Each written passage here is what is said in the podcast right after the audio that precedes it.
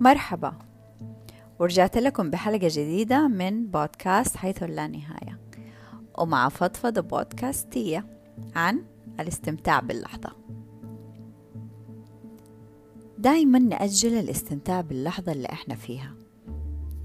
على أمل تجي اللحظة اللي نبغاها. وتكون كاملة. ليش جت الفكرة دي ببالي؟ لأني بتفرج على مقطع من المقاطع الحلوة المشوقة حقت المنتجعات البحر والرمل والميوزك. وجات عيني على ساعة اللابتوب لقيتها تقول إنه الجو في السعودية المكان اللي أنا فيه أربعين درجة مئوية. قلت يا رب لو أنا دحين في المكان ده مو كان أحسن؟ فجأة جاب بالي إنه كنت في مكان زي ده. وأماكن تانية وأماكن أحلى وأماكن غيرها. إيش سويت فيها؟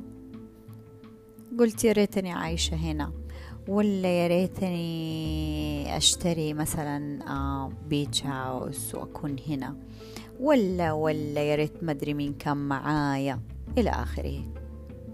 في دي اللحظة تحديدا استوعبت إيش يعني نستمتع باللحظة؟ إننا كل ما نكون في اللحظة المناسبة نفكر لو كنا في لحظة تانية سواء في المستقبل أو في الماضي. يا رب إيش ده التعب اللي نتعبه لنفسنا؟ وراجعت ذاكرتي شوية. لقيت إنه لما كنت عايشة في أمريكا كنت أقول متى تيجي اللحظة اللي أرتاح فيها وأرجع السعودية. ورجعت وما ارتحت كان في فرحة بس مؤقتة ليش؟ لأني ما بستمتع ولما رجعت بعد سنوات سافرت أمريكا استوعبت الفكرة كيف؟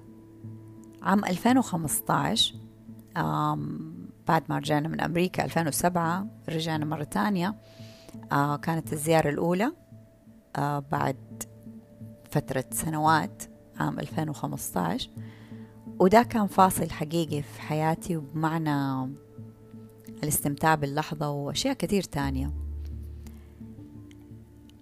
جاب بالي أنه في ذاك الوقت بعد ما رجعت في 2015 قلت يا ريتني كنت عايشة هنا أو يا ريتني ما رجعت السعودية أو يا ريتني لما كنت عايشة هنا كنت بستمتع دار شريط في بالي. لما كنت عايشة هناك ما كنت حاسة وما كنت بستمتع بعيشتي هناك وبحياة أمريكا. وبديت أستوعب إنه اللحظة اللي نكون فيها ياريت نستو... نستمتع فيها أكتر. عشان لما نفتكرها نقول والله انبسطنا ونكون دقنا طعمها وما نتحسر عليها. وقياسا عليها بديت أقيس كل حاجة. طبعا في لحظات بنستمتع فيها وأنا بطبعي أحب الإيجابية. لقيت إنه فعلا في لحظات كتير استمتعنا فيها ولحظات ضيعناها.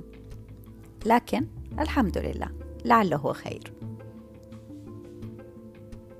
استمتعوا باللحظة استمتعوا مع عائلاتكم ونفسكم أخلقوا الجو اللي يناسبكم. أتقبلوا وتكيفوا معه. حتى لحظة الزعل ترى عادي نعيشها ونتأمل بالخير اللي حيجي منها أو اللي حيجي بعدها. تبعا. أوجدوا في كل نقطة سوداء أو غير محببة نقطة نور نقطة بيضة وانطلقوا منها. وسبحان الله تفتح بعدها الأبواب. رجاء أعملوا ذكريات حلوة في كل لحظة. حقيقي فهمت متأخر الفكرة دي. لكن أن تصل متأخرا خير لك من أن لا تصل أبدا. دمتم بود.